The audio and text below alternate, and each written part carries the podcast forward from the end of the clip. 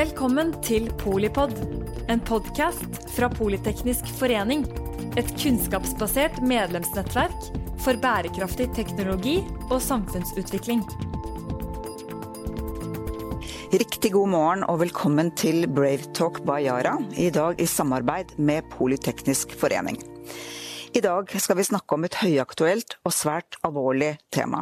Det skal handle om noe av det mest grunnleggende av alt, nemlig mat. Eller rettere sagt tilgang til mat. For FN betyr matsikkerhet at alle mennesker skal ha økonomisk og fysisk tilgang til nok og trygg mat for et fullgodt kosthold. Det som skal til for å leve et godt og aktivt liv. Men slik verden ser ut nå, er vi langt fra dette. Tvert om. Lederen for FNs matvareprogram beskriver matvaresituasjonen som absolutt katastrofal. I de neste 45 minuttene skal vi bore i denne tematikken i lys av krigen i Ukraina. For hva skjer når tilgangen til noen av de mest basale matvarene, som korn, mais eh, og matolje, blir svekket? Hvorfor skjer det? Og hva betyr det for mennesker og samfunn rundt omkring i verden, og her hjemme i Norge? Og hva kan være veien ut av denne krisen. Men først, hva slags situasjon er det vi her snakker om? Med oss har vi et kompetent panel som kan hjelpe oss med å svare på disse spørsmålene. Morten Aasland, norsk ambassadør til FNs tre matorganisasjoner i Roma, altså FAO, Verdens matvareprogram og IFAD. Botil Åslagsdatter Nordsletten, redaktør i fagbladet Bondevennen men også tidligere diplomat med fartstid fra bl.a. Ukraina og Russland. Og sist, men ikke minst, eh, Svein Tore Holsæter, konsernsjef i Yara, og en mann med en rekke internasjonale verv med umiddelbar relevans for det vi skal snakke om i dag. Hjertelig velkommen til alle tre. Tenkte å starte med deg, Morten, eh, og begynne litt med det store bildet. Kan ikke du gi oss noen harde fakta? Ja, takk skal du ha. Russlands angrepskrig på Ukraina og de enorme ødeleggelsene som vi ser, har forverret, og det er utgangspunktet, en allerede alvorlig global situasjon når det gjelder det som vi kaller matvaresikkerhet og global matvaresikkerhet. Eh, bærekraftsmål to er som du var innom null sult, og det skal oppnås innen 2030. Inntil ca. 2015 så gikk det gradvis i riktig retning. Etter det så knakk kurven nedover, og den er blitt enda dypere i gal retning fra 2019. Og det er tre hovedårsaker til det. Det er eh, konflikt, ofte langvarig konflikt, i et ti-tolvtall alvorlige konfliktsituasjoner med ledsagende matusikkerhet. Det er klimaendringer som skår inn stadig hyppigere på en lang rekke måter i mange, mange land. Og det er også da for det tredje covid. På engelsk så går det som tre C-er, vi kan si to K-er og én C på norsk. Når det gjelder covid, så er det sånn at store deler av verden utenfor Europa og Nord-Amerika er fortsatt står til knes i konsekvensene av covid. Og det er de økonomiske, de sosiale og de finansielle, statsfinansielle følgene av covid. Jeg snakket med en kenyansk kollega i eh, Roma eh, ved FAO rett etter krigsutbruddet, og i allerede andre setning så sa hun ja, men hva med oss? Vi står fortsatt midt i covid-konsekvensene. Dere er kommet videre. Eh, så det er utgangspunktet. Og matusikkerhet det betyr at ca. 800 millioner mennesker vet ikke hva de skal ha på bordet neste dag. Eh, og over 40 millioner mennesker, mellom 40 og 45 millioner mennesker, er på randen av sult eller truet av sult. Og som i denne situasjonen så kommer da Russlands angrep på Ukraina. Eh, og som David Beasley, leder i Verdens matvareprogram, sa, dette er akkurat det vi ikke trengte nå. Mm. Så det du beskriver er på en måte kriser som legger seg oppå kriser, og at krigen på en måte blir en sånn eh, eskalerende faktor. Eh, og hvilke regioner er det man da ser er de mest sårbare? Så det vi har sett Eh, mest til nå, er kraftige prisøkninger. Eh, det som er et av de store spørsmålene, er i hvilken grad det også vil opptre knapphet. Eh, og vi snakker om de viktigste basismatvarene. Kornsorter, hvete, mais, også solsikkeolje og kikerter, hvor Ukraina og også Russland er veldig store produsenter. Det er flere åpne spørsmål der. Hva skjer med uh, denne, uh, denne, innhøstingen? Eller hva, skjer, hva blir sådd, og hva blir innhøstet? Og hva kommer ut av Ukraina fra en blokkert svartehavskyst i, i år? Det er et stort spørsmål. Og det er også spørsmål hvordan aktørene globalt og i andre land tilpasser sin produksjon. Ukraina står for, Russland og Ukraina står for 30% av eh, verdens eh, hvete- og byggproduksjon. byggeproduksjon. Omtrent en femtedel av mais og en stor andel solsikkeolje. Og alle de viktigste importlandene og mottakslandene det er over hele verden, men i særlig grad i Nord-Afrika, i Midtøsten, store deler av Afrika, både i vest, Sahel og Øst-Afrika og Afrikas Horn. Også store befolkningsrike land i Asia som Indonesia og Bangladesh er storimportører. Mm. Så vet vi, både fra nyere historie og eldre historie, at det er en sammenheng mellom brødpriser og sosial uro. Ofte en veldig tett sammenheng. Og her kan vi skille litt mellom mellominntektsland, la oss si land som Egypt og Libanon, som har store, store befolkninger, særlig Egypt, eh, og som er betydelig grad avhengig av import. Og så er det de fattigste landene i Sahel og på Afrikas Horn, eh, som også er avhengig av humanitær hjelp. Eh, der får du kanskje ikke sosial uro på samme måte, mm. men befolkningen vil bli rammet. Så når vi leser i Bistandsaktuelt at brød har blitt en luksusvare i Midtøsten, så er det en helt reell eh, beskrivelse, vil du si? Det er det. Vi snakket med Verdens matvareprograms regionkontor i Malawi, og det er nå seks uker siden. Og da sa de allerede da at som en følge av eh, importvansker, og forventet importvansker, og selvfølgelig spekulasjon, så var eh, og brødpriser 30 opp. Mm. Svein Tore Holsæter, dere har jo folk på bakken i Ukraina, og sånn sett så kjenner jo dere krigen direkte på kroppen. Og mange tror jeg lurer på hvordan, eh, hvordan på en måte høst, eller sesongen går. Får man, eh, får man sådd, får man høstet, kan man drive jordbruk? Og hvordan er deres operasjoner i Ukraina akkurat nå?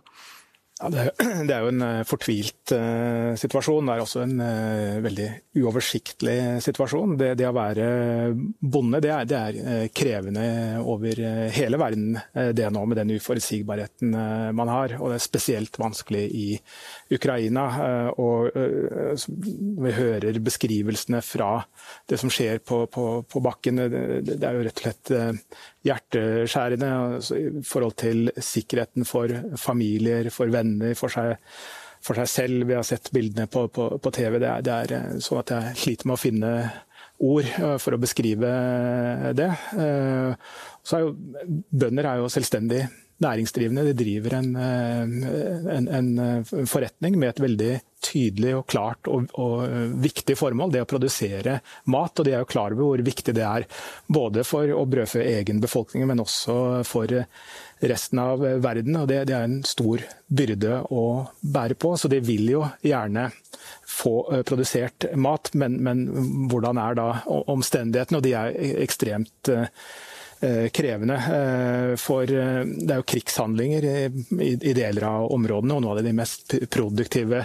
jordbruksarealene, ikke bare i Ukraina, men i hele verden. Der er det jo krigshandlinger. Vi har sett bilder av bønder som er ute i traktoren med skuddsikker vest. Vi hører historier om åkre som er minelagt. Så, så det er, det er, vanskelig. Og så er du altså avhengig av å få innsatsfaktorer for å produsere. Eh, gjødsel er en av de, og det, det er viktig for å få næring til plantene, sånn at man får både eh, høyere produktivitet, men også riktig næringsinnhold i det de produserer. Det er eh, begrenset. Tilgangen på, på frø og, og, og, og. Så, og så går jo veldig mye av logistikken via Svarthavet, og vi vet jo hva som skjer der. Så det er en stor uh, flaskehals. Vi har jobbet uh, mye fra vår side. Våre, vi har eh, elleve kolleger i Ukraina som har fått veldig mye støtte fra resten av, av. Vi har fått inn over 100 trailerlaster med, med gjødsel, og en toglast også de siste ukene. Men så er spørsmålet får man det eh, til bonde og ut i åkeren. Kan bonden være ute i åkeren, eller må bonden være på frontlinjen og kjempe i, i krigen? Eh, hvis de får gjødsel, har de drivstoff til å få kjøre traktoren ut i åkeren, eller blir det av naturlige årsaker prioritert til militæret? Så summen er at vi, vi, vi, vet ikke akkurat hvordan det her slår ut. Og så er det jo Eh, si at man får sådd og man får en avling, får man da avlingen ut? og Da er vi tilbake til Svartehavet, som er en viktig, eh, viktig del av transporten. Så, så, mm, akkurat nå så mm, vet vi ikke godt nok hva som skjer. Uforutsigbart bilde. Ja. Men eh, hvorfor er Russland og Ukraina så viktig for den globale matsikkerheten? Det har du snakket mye om. Ja, og, og det her er jo en, eh, en gedigen wake-up call for eh, hele verden. Vi, vi, vi, har snakket mye om matsystemet de siste årene, og eh, hvordan det påvirker klimaet med, med utslipp. Altså det matsystemet har gjort en relativt god jobb frem til 2015 eller 2019 på å Eh, dyrke mer mat til en voksende befolkning, så antallet eh, sultne har jo minsket eh, Eh, mye frem til for et par eh, år siden. Men det har kommet til en kostnad, og den kostnaden er eh, miljøet. 25-30% av klimagassutslippene kommer fra, fra, landbruket. Nå ser vi én svakhet til enda tydeligere, og det er hvor avhengig vi er av enkeltland, og særlig Russland, som da har blitt integrert inn i verdens matvareproduksjon. 40% av gassen som går til Europa, for, som da bl.a. går til produksjon av gjødsel, kommer fra Russland. De er store på alle de, de de tre viktigste næringsstoffene som går inn i, i uh, gjødsel. Og uh, når man da får forstyrrelser der, så, så får det store uh, følgeeffekter. Og, og, og man, altså, hvordan klarte vi å komme i en sånn situasjon? og Det, det må vi sette oss ned og, og vurdere fremover også. Men, men historien, altså selv i den kalde krigen, så, altså, gassen gikk. Og, og gjødselet også ble, ble, sendt ut. Så det er, er en ny situasjon hvor sanksjoner og indirekte effekter effekter av sanksjoner slår inn uh, umiddelbart og skaper forstyrrelser som, som uh, igjen da gir store forstyrrelser for uh, matforsyningen. Mm. Hvis man da, med det bildet som dere nå har tegnet opp, som jo er ganske dystert, det må jeg jo si. Dere, altså I FN jobber man med å på en måte utvikle ulike scenarioer for å forberede seg. Morten? Ja, kanskje peke på to ting når det gjelder hva som vil skje videre. Det ene er verdenshandelen og, og, handelen og markedene når det gjelder disse basismatvarene. Og der er det jo sånn at uh, både selve Det vi har sett så langt, er at det først og fremst går ut i prisøkninger. Kraftige prisøkninger. Og, og det gjelder jo ikke bare mat, men det gjelder også energi, som vi var inne på nå. Uh, og hva som blir konsekvensen av det, hvilke scenarioer, det er egentlig vanskelig å si foreløpig. Men det som er helt sikkert, er at det vil få effekter, og potensielt store effekter. Men jeg vil gjerne si en ting til også som går på FN, og det er FNs rolle, og det er da det humanitære hjelpearbeidet. Og Verdens matvareprogram er verdens største humanitære aktør, og de er ikke alene. Det er et stort antall eh, frivillige organisasjoner og, og andre, andre som, som, jobber med både matvarehjelp og annen hjelp. Men matvareprogrammet de brødfør over 150 millioner mennesker løpende. Dvs. Si de har enorme innkjøp på verdensbasis. Og en veldig stor del av innkjøpene deres de kommer fra Ukraina. Jeg var selv i Aleppo i Syria i fjor høst. Det er jo et land som er ødelagt av krig i ti år, og som er, eh, sliter med å komme på beina igjen eh, på alle måter. Og på store, enorme haller hvor VFP da har matvarelagrene sine, så var det melsekker, Ukraina. Solsikkefrø, og ikke minst kikerter, som vi vet er en veldig viktig matvare for hummus mm. i Midtøsten. Så dette går rett inn i situasjonen i veldig følsomme land. Mm, mm. Så hvordan, hvordan, forbereder man seg da på de internasjonale organisasjonene for å avhjelpe og motarbeide eh, det som, kan, som kan bli veldig dramatiske konsekvenser fremover? Altså både FAO og FNs generalsekretær har kommet med flere foreløpige råd. En av de viktigste rådene, vi kan kanskje komme til det bak litt lenger ut i samtalen, men en av de viktigste rådene er unngå proteksjonisme. Hold handelen med matvarer og andre innsatsvarer avgjørende for matproduksjon åpent. Fordi at selv om enkelte nasjoner og politikere i nasjoner vil føle seg fristet til å treffe tiltak for å sikre egen befolkning og eget land, eh, så er det sånn at det store bildet er at globalt varebytte på mat er i alles interesse. Mm. Det øker samlet produksjon. Så det er en av de viktigste anbefalingene så langt. Ikke fall for proteksjonistiske tiltak. Og der har man lært av det som skjedde i forrige krise 2008-2012. Det har vært et uh, veldig tydelig budskap fra deg og Svein Tore? Ja, og, og, det vi så i de to uh, nylige foregående uh, krisene, var at omtrent 75% av økningen i, i, priser var et direkte resultat av policyendringer, altså begrensninger på vareflyt. At man rett og slett forbyr eksport. Eh, så, det, er en eh, tydelig læring. Og så er det viktig nå at man mobiliserer eh, funding til bl.a. Verdens matvareprogram. De har et apparat som kan skaleres opp raskt, men, de hadde jo 6 milliarder dollar for lite før krigen. Og så kommer det her på, toppen, så de får både en økning i kostnadene for å kjøpe inn. Eh, og eh, i, tillegg så, eh, så, så, så, er jo da det som er Europas kornkammer, eller hvor man sourcet fra, da må man jo sende mat inn dit også, så, man får det på, på toppen. Og, og her må de rike og de rike landene eh, nå eh, stille opp eh, og være med og finansiere det. Og der har Verdens matvareprogram vært veldig tydelig. Det ligger et ansvar på oss alle, inkludert vår egen nasjon. Norge gjør veldig mye. Vi må gjøre mer. Og det er en det er det moralsk riktig å gjøre. Eh, men, men, også er, er, det jo en god eh, investering også å hjelpe folk å skaffe mat der de er i, i dag. Jeg hadde en samtale med David Beasley i Verdens matvareprogram forrige uke, hvor han nevnte noen tall. altså Det, det å, å, å, å, skaffe mat til eh, en person i, i, i Jemen, det koster fem kroner dagen. Eh, den samme personen, hvis den da har flyttet seg til Berlin f.eks., så snakker vi 600-700 kroner Eh, dagen. Eh, så det er jo ingen som vil flytte på seg, men man, må hvis man ikke har mat. Det er jo helt naturlig. Og, her må vi nå mobilisere, og vi må mobilisere raskt. og Her er jeg bekymra for at eh, ting skjer altfor sakte. Fordi dette er jo ikke bare for å være på en måte, det er ikke bare å, det moralsk, å gjøre det moralsk rett, men fordi det er smart og helt nødvendig. Og Det man har snakket mye om, er jo at man kan få type migrasjons, nye migrasjonskriser, i tillegg til den vi allerede nå står midt oppe i Europa, den største flyktningkrisen eh, siden annen verdenskrig. Eh, altså, øh, hvordan, hvordan, får man ut disse budskapene og, tydeliggjør det også, i, også her hjemme?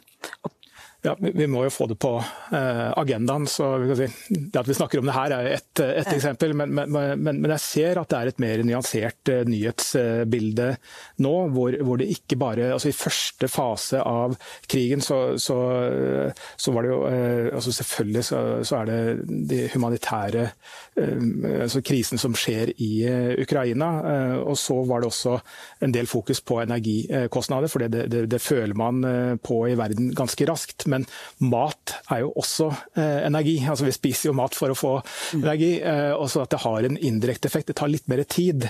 Men pro problemet med, eh, med, det her er at det, hvis det først begynner å gå galt, så, så, tar det så lang tid å hente det inn igjen at det, det, det ikke er eh, reparerbart på, på, kort sikt. Og da er jeg redd for at den flyktningstrømmen vi, vi ser i, i dag, som er Eh, ille. Eh, det er jo småtterier i forhold til hva som vi kan få her nå når vi ser hvor mange hundre millioner mennesker som er utsatt for matusikkerhet nå. Mm.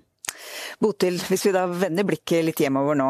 For sjelden har vel eh, på en måte debatten om mat og beredskap vært høyere på den politiske agendaen i Norge. I hvert fall ikke på mange år. Og så har vi en totalberedskapskommisjon i fullt arbeid som jo nettopp har satt matsikkerhet eh, på agendaen.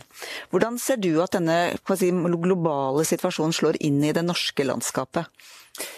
Eh, den slår inn, og som du sier, og, og, og som Svein Tore sa her, debatten er mer eh, nyansert enn det den var før, i den forstand at matproduksjon, forutsetningene for matproduksjon og eh, matberedskap er eh, på eh, agendaen. Eh, og vi er jo et land, Norge er jo et land som har all verdens interesse av at den globale handelen funker, at proteksjonismen ikke er for sterk. Fordi 3% av vårt land er matjord. Det er helt i bunnsjiktet i verden. Eh, og eh, vi er korrigert for import av kraftfôrråvare eh, sjølberga bare sånn ca. 35% Altså alt over 35% over 60% er vi avhengig av eh, å importere. Så, så, her det her, her begynner eh, forhåpentligvis debatten å handle seg om eh, hvor avhengige vi er av denne globale flyten av matvarer. At den får fortsette, at maten finnes. Og så, eh, spør du meg, så må den jo òg handle om eh, Eller vi må i hvert fall bygge bevissthet om eh, den helt opplagte nødvendigheten av å sikre oss sjøl. Og da mener jeg ikke sånn handelsmessig proteksjonisme, men rett og slett å produsere så mye mat som vi kan på eh, egen kjøl. Og til å gjøre det, så har vi altså da som sagt 3% matjord og eh, ikke flere hundre tusen bønder, sånn som vi hadde for noen tiår siden. Vi har ca. 37 000 bønder igjen. Eh, og eh, i dette globale bildet da, som eh, meddebattantene mine her har malt opp, så er det slik at av de 37 000 gjenværende norske bøndene, så er det nå flere som sier at dersom de ikke får en betydelig inntektsøkning, i tillegg til en eh, skikkelig kompensasjon for de ekstreme prisene som er nå, så vil de kaste inn håndkleet. Og vi vil stå tilbake igjen som et land med svekka matvareberedskap. Og dette skjer nå. I over i morgen så leverer bøndene sitt krav til hva de vil ha, og eh, det som blir kalt eh, svært ironisk for vårens vakreste eventyr, norsk jordbruksoppgjør, er i gang. Eh, og det er et avgjørende jordbruksoppgjør i den eh, store og nasjonale settingen som vi er i nå. Og jeg gleder meg over at denne debatten eh, nå kommer opp og gå. For all del, altså. Men, mm. men, det må skje ting, for ellers mister vi flere av våre egne matprodusenter. Og nå skal vi eh, gå over og snakke litt mer om akkurat denne debatten eh, som, som, som, pågår i Norge og i verden rundt dette med matsikkerhet. Eh, I forhåndsannonseringen av dette eh, programmet så var det en del engasjert meningsytring. For det er liten tvil om at mat og beredskap er spørsmål som engasjerer på godt og ondt. I Norge, men også i mange andre land, er dette debatter som føyer seg inn i gamle si, politiske skillelinjer eh, mellom by og land, eh, mellom bønder og byfolk. Eh, men også i diskusjonen om internasjonal handel versus proteksjonisme, noe av det vi allerede har vært inne på. Eh, men også ikke minst de nyere problemstilling knyttet til klima og naturkrisen, og mellom matprodusenter i landbruk versus kyst og fisk. Altså med andre ord, det er mange, mange eh, diskusjoner som går parallelt. Og med så mange konfliktlinjer og motsetninger og komplekse maktforhold, hva er det slaget står om bot til, og hvorfor blir disse debattene så harde?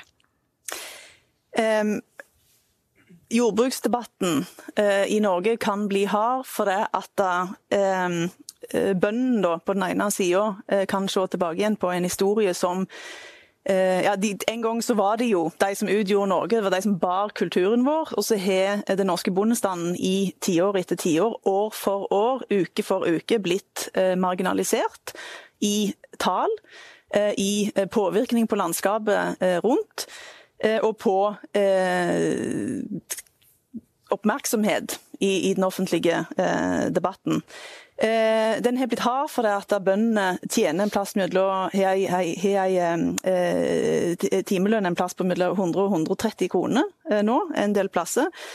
Eh, og eh, de er frustrerte fordi at matdebatten i Norge i stor grad har blitt eh, sett på som et kappløp mot billigst mulig vare, og ikke verdsetting av eh, bondens eh, arbeid. Så, så her er det mye eh, som ligger i mye historie i veggene, og så kommer dette her til overflaten nå, som sagt, i en, i en global setting hvor mat og beredskap blir satt på agendaen, mens den norske bonden sliter kraftig. Og så, unnskyld, så, så er det jo også jeg nevnte ordet kultur.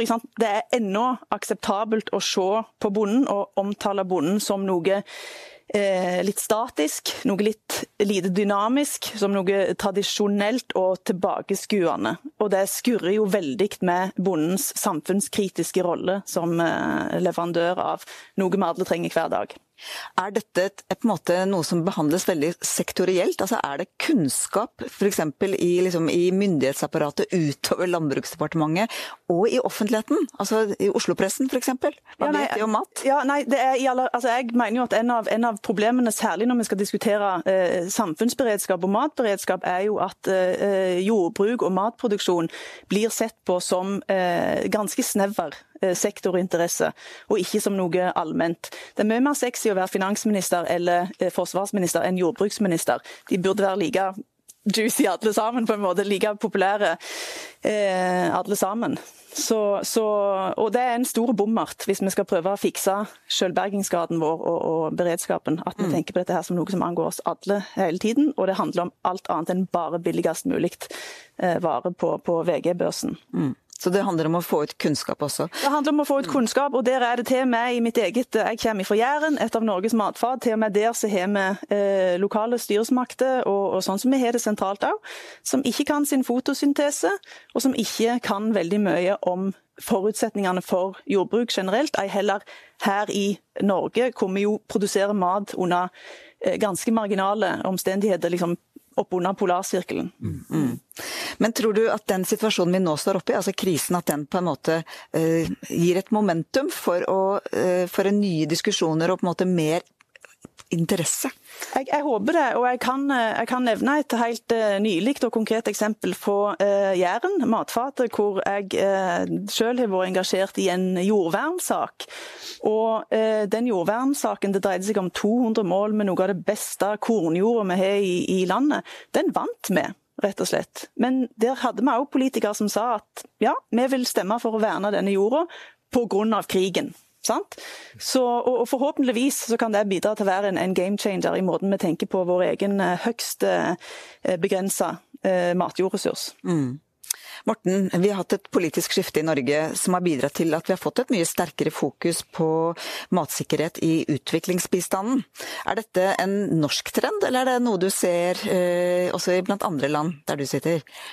Nei, det er ikke bare en norsk trend. Eh, vi så det som følge av covid, som vi var inne på de sosiale og eh, sosiale og økonomiske følgene av covid-krisen som rammet alle land. slik at Vi så f.eks. at G7-samarbeidet mellom de rikeste og største landene i verden, og også i FN-sammenheng, så er matsikkerhet og kamp mot sult satt på agendaen på en mye klarere og tydeligere måte, i erkjennelse av at disse trendene går i gæren retning. Og det skjedde før Ukraina-krigen. Så har vi jo fått en regjering nå og en eh, utviklingsminister som legger veldig stor vekt på matsikkerhet. Eh, så det er jo en tilleggsting, men det er ikke bare en norsk trend. Mm. Men debatten om dette, er det en konstruktiv debatt i FN, eller, eller er den motsetningsfull? Ja, um Altså, da går vi tilbake til det globale bildet. og Russlands krigføring og ødeleggelsen i dette rammer Ukraina, og det rammer vår verdensdel.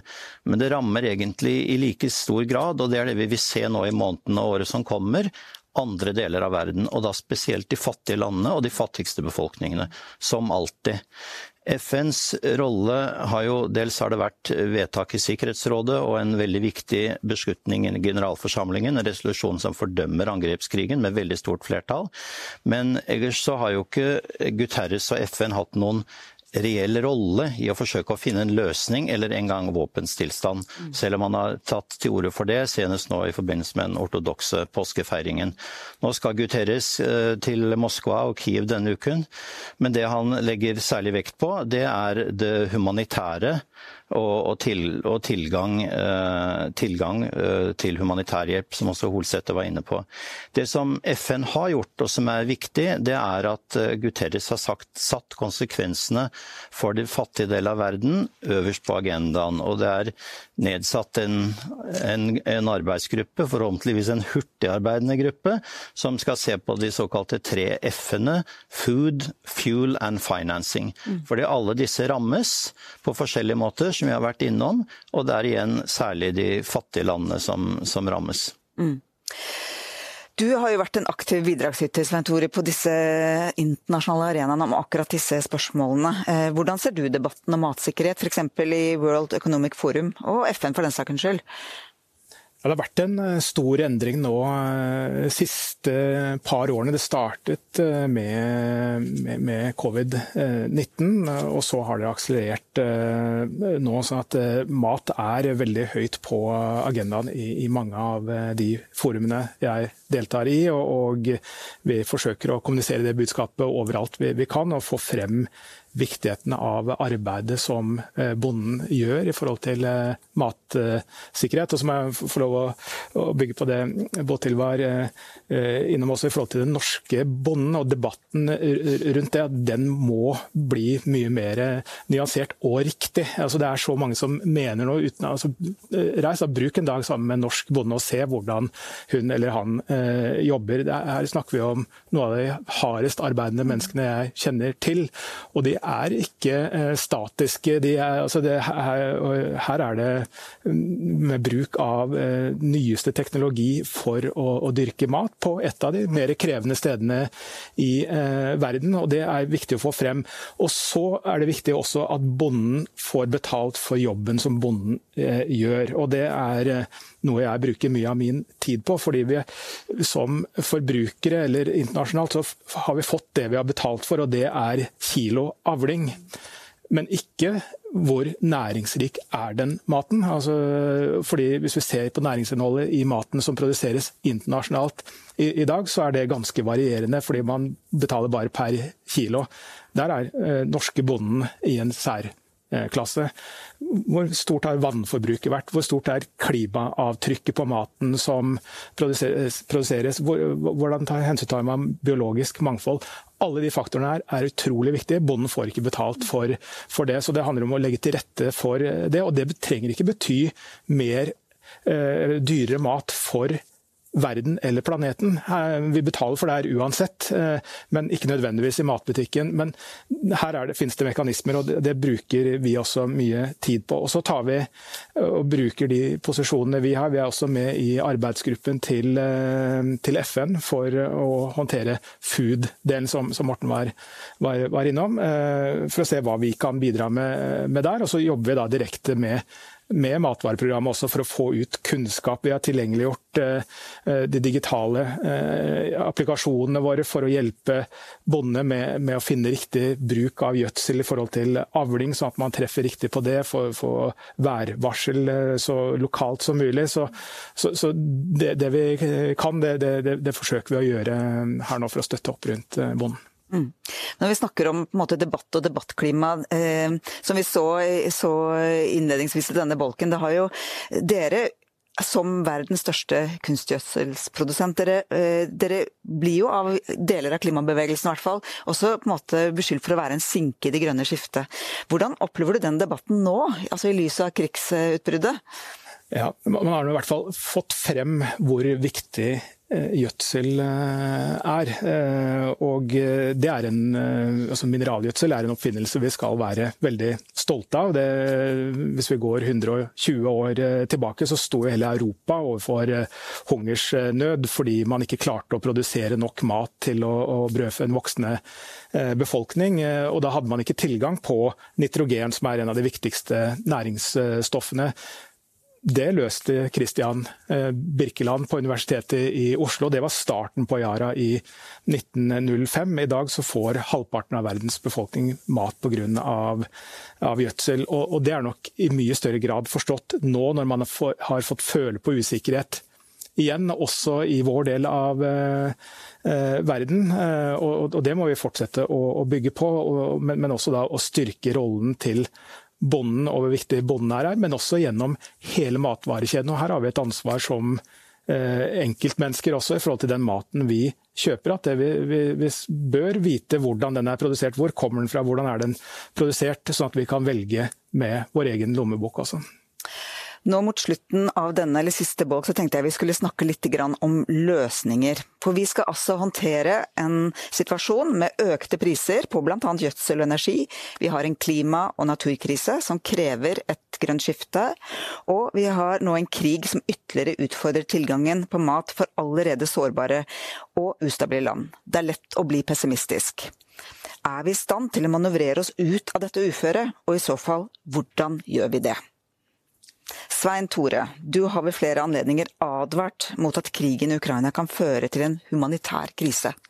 Eh, hvordan balanserer vi sanksjoner og helt betimelige og nødvendige reaksjoner mot Russland mot den utrolig alvorlige matvarekrisesituasjonen hvor millioner av mennesker risikerer å sulte i hjel? Ja, og Det der er et uh, vanskelig eh, dilemma. og nå, nå, er vi i en situasjon hvor det ikke lenger er et spørsmål om det blir en matkrise. Det blir det. Det er bare et spørsmål om hvor stor blir den uh, krisen, uh, og hvordan klarer vi å håndtere det. Og Det med sanksjoner er noe vi har fått føle direkte på hos oss her i Yara også. og man har jo da eh, internasjonal vareflyt både på produksjon av mat, men også på innsatsfaktorer inn i landbruket. Etablert over mange, mange tiår, som i og for seg har sørget for at man produserer produktet der hvor det er mest eh, optimalt å, å gjøre det. Og eh, en stor del av våre råvarer, både gass eh, for produksjon her i Europa, men også andre råvarer, eh, hadde vi, hadde vi innkjøpt fra, fra, Russland. Og det, det presenterer et, et, et, veldig stort dilemma. Som altså Kan vi fortsette å, å handle inn fra Russland i den situasjonen vi er i nå? Uh, og selvfølgelig følger vi jo uh, sanksjoner, men, men, det jeg har tatt til orde for, er at la oss i hvert fall ha en, en debatt. Dette er en mye mindre krise for Yara enn det er for eh, verden. Vi kunne selv ha gått inn og bare stoppet innkjøpene fra Russland, redusert vår produksjon. De er jo også noen av våre største konkurrenter. Men jeg mente, og det tok, uh, skrev jeg også en kronikk på, at det er en beslutning som er mye større enn meg som enkeltmenneske eller konsernsjef her. Det, er en, beslutning mye større enn oss som selskap, for det får så store humanitære konsekvenser at da må vi diskutere det både nasjonalt og internasjonalt for å forstå konsekvensen av å stoppe det. Så har en stor del av det skjedd allerede pga. sanksjoner eller indirekte effekt av det. Så får vi gjøre det beste vi kan ut av det, men, men, men det medfører en reduksjon i i eh, matvareproduksjon. og Da må vi i hvert fall støtte opp rundt de menneskene som blir hardest truffet av det der. Alle vil bli påvirket eh, på, en viss grad, men noen er det et spørsmål om liv eller død. og Da må vi stille opp for dem. Og Det er de samme menneskene som har blitt hardest truffet av, av klima og korona. Mm. Du sier jo også at man må bli mer uavhengig av Russland. Hvordan skjer det i praksis? Ja, og det, det, kommer til å ta tid, eh, fordi nå eh, verdikjedene er så integrerte. Flere av råvareforekomstene eh, er i, i Russland. Det finnes andre steder i verden også, men da, det er gruvevirksomhet mye av det. og Det tar tid å få det på plass, og det, det må man jobbe med. Og Så er det det å endre produksjonen av bl.a. nitrogengjødsel. Det kan man også gjøre med fornybar energi med grønt hydrogen, lage grønt uh, gjødsel. Vi har startet i, um, i, i Porsgrunn, på Herøya. Det krever mer fornybar energi. og det, mener, Nå må vi gjøre en massiv utbygging av fornybar energi i Norge, så kan vi også være med å konvertere vår gjødselproduksjon. Mindre avhengig av fossilt, uh, fossile råvarer for å produsere gjødsel, mindre avhengig av Russland. Så her er det mye vi kan gjøre, mye vil ta tid. Også, men vi må ta den eh, klare alarmen eh, nå og gjøre noe med det på lang sikt også. Mm. Morten, hvis man ser i hvert fall litt, litt, inn i glasskula, i hvert fall en litt lengre horisont enn akkurat i år, kan det komme noe positivt ut av en sånn krise? Altså, kan det også måte flytte litt i, i liksom tyngdepunktet hvor man produserer mat, med lokal matproduksjon osv.? Altså, er dette noe man snakker om i FN? Ja, eh, I fjor høst så ble det avholdt et, igjen et toppmøte i FN-systemet om, om endring av globale matsystemer. Og det leverte ikke store resultater, men det kommer til å få ny press på, på insentivet for det. Det er helt sikkert. Og det er en erkjennelse av at samtidig som vi produserer mer mat i verdenssamfunnet, så produserer vi ikke nødvendigvis nok. Og det er mye underernæring, det er sult og det er feilernæring. Og det går løs på både biodiversitet uh, og havene og andre ting. Så presset for å transformere globale matproduksjons- og konsumsjonssystemer, som det heter, det kommer til å, det kommer til å fortsette. Ellers så tror jeg at uh, Holsæter var inne på flere av punktene. Men det ene er å stimulere, altså policy-tiltak framover. Det er å stimulere til økt produksjon i fattige land, og særlig hos småskalaprodusenter. Det er jo veldig ofte at de som bønder på landsbygda i Afrika, og det er kvinner som gjør mesteparten av landbruksarbeidet, de har ofte dårlig mattilgang og dårlig ernæring.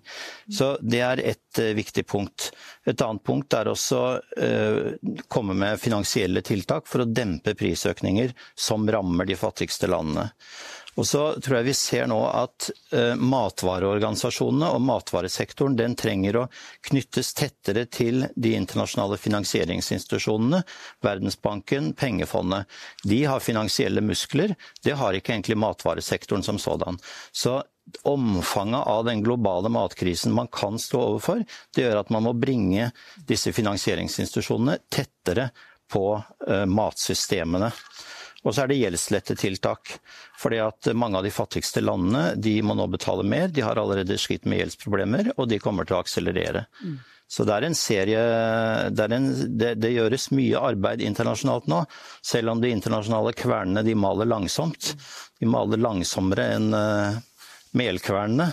Uh, men det er mye som går i riktig retning. Men det er en veldig krevende og vanskelig situasjon. Mm. Er det dette Botil som skal til for at vi også i Norge skal få øynene opp for bondens samfunns, viktige samfunnsoppdrag? Eh, det er det. Jeg er enig med, med begge her eh, på det globale planet. Og så er jeg eh, opptatt av, sånn som det òg er blitt sagt, småskalabønder må få det de trenger for å kunne drive globalt.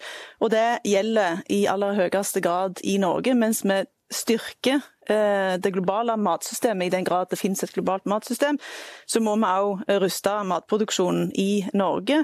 Og, og liksom Når det er snakk om løsninger, så tror jeg i første, så, i første omgang så handler det om bare la være å gjøre det som er feil. Vi kan slutte å bygge ned vårt eget eh, lille livsgrunnlag, altså matjorda. La den være. Eh, vi kan lønne Eh, bøndene våre skikkelig, og på den måten òg gjøre eh, bondeyrket eh, så, om ikke lukrativt, så iallfall interessant for flere. Sikre rekruttering. Og så kan vi selvsagt for den kortsiktige beredskapen gjenoppbygge kornlager. Vi har ikke kornlager i Norge, de har vi avvikla fordi vi belaga oss på at den internasjonale handelen skulle gå som normalt. Det er ekstremt kortsiktig. Nå må vi kanskje etablere disse kornlagrene igjen. Og så må vi legge til rette så godt som vi kan for eh, den beste formen for matberedskap som er og for øvrig den beste formen for jordvern òg, som er et aktivt, altså løpende aktivt jordbruk over hele landet der det ligger eh, til rette for det.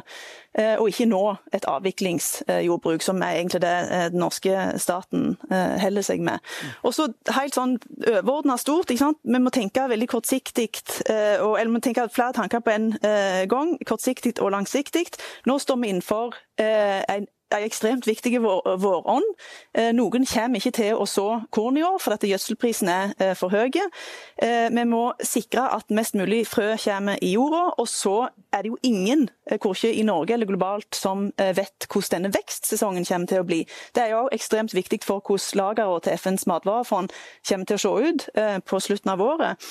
Eh, og, mens vi også tenker som sagt kortsiktig, så må vi ha i mente at med den sikkerhetspolitiske eh, og globale situasjonen som følge av krig, av pandemi, av klimakriser, av naturkriser og av nye pandemier som vil komme, og av nye konflikter som vil komme, så må vi revurdere just in time-handelen med eh, mat.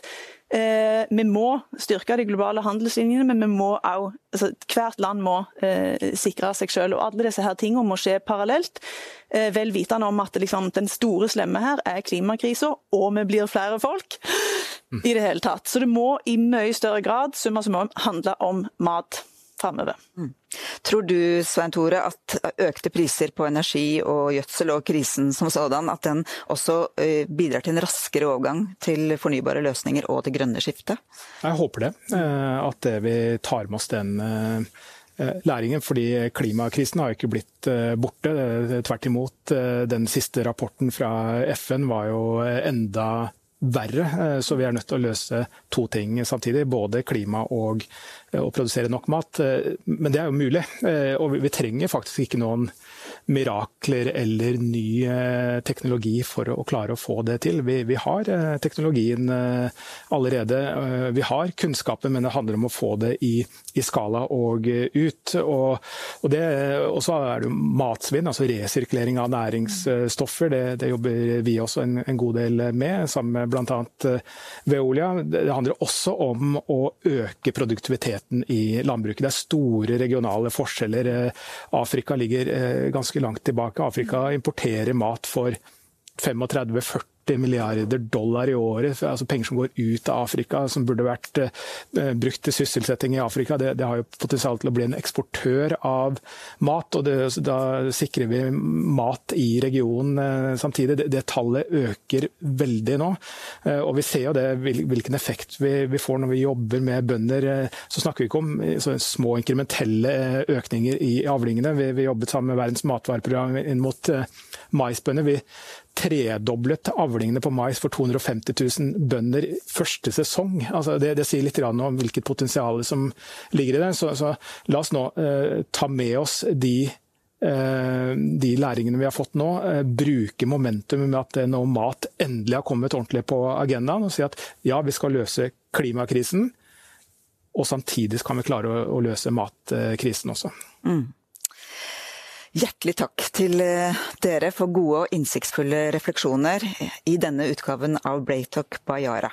Er det én ting denne samtalen har vist, syns jeg, det er at krig og ustabilitet på ett sted i verden påvirker sikkerhet og stabilitet på helt andre deler av kloden. Den har vist at i en global verden så er vi gjensidig avhengig av hverandre. Og den viser også at i krisetid så oppstår det muligheter, fordi den tvinger fram innovasjon og den tvinger fram endringskraft. Sist, men ikke minst, så viser jo matkrisen hvem som er heltene i dette systemet, nemlig matprodusentene. Enten de er i Norge, i Ukraina eller Sudan. Hjertelig takk. Takk for at du lyttet til Polipod fra Politeknisk forening. Få med deg flere episoder, eller bli med på nettverksmøtene som du finner på at polyteknisk.